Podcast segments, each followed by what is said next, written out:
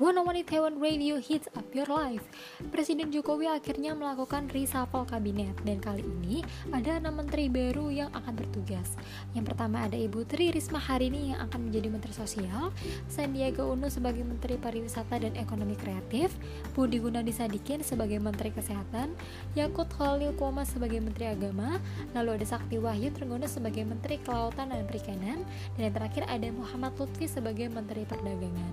Dan kali ini kita sudah tersambung oleh Priscil di lapangan yang akan berbagi informasi seputar tanggapan dari masyarakat mengenai pergantian kabinet ini.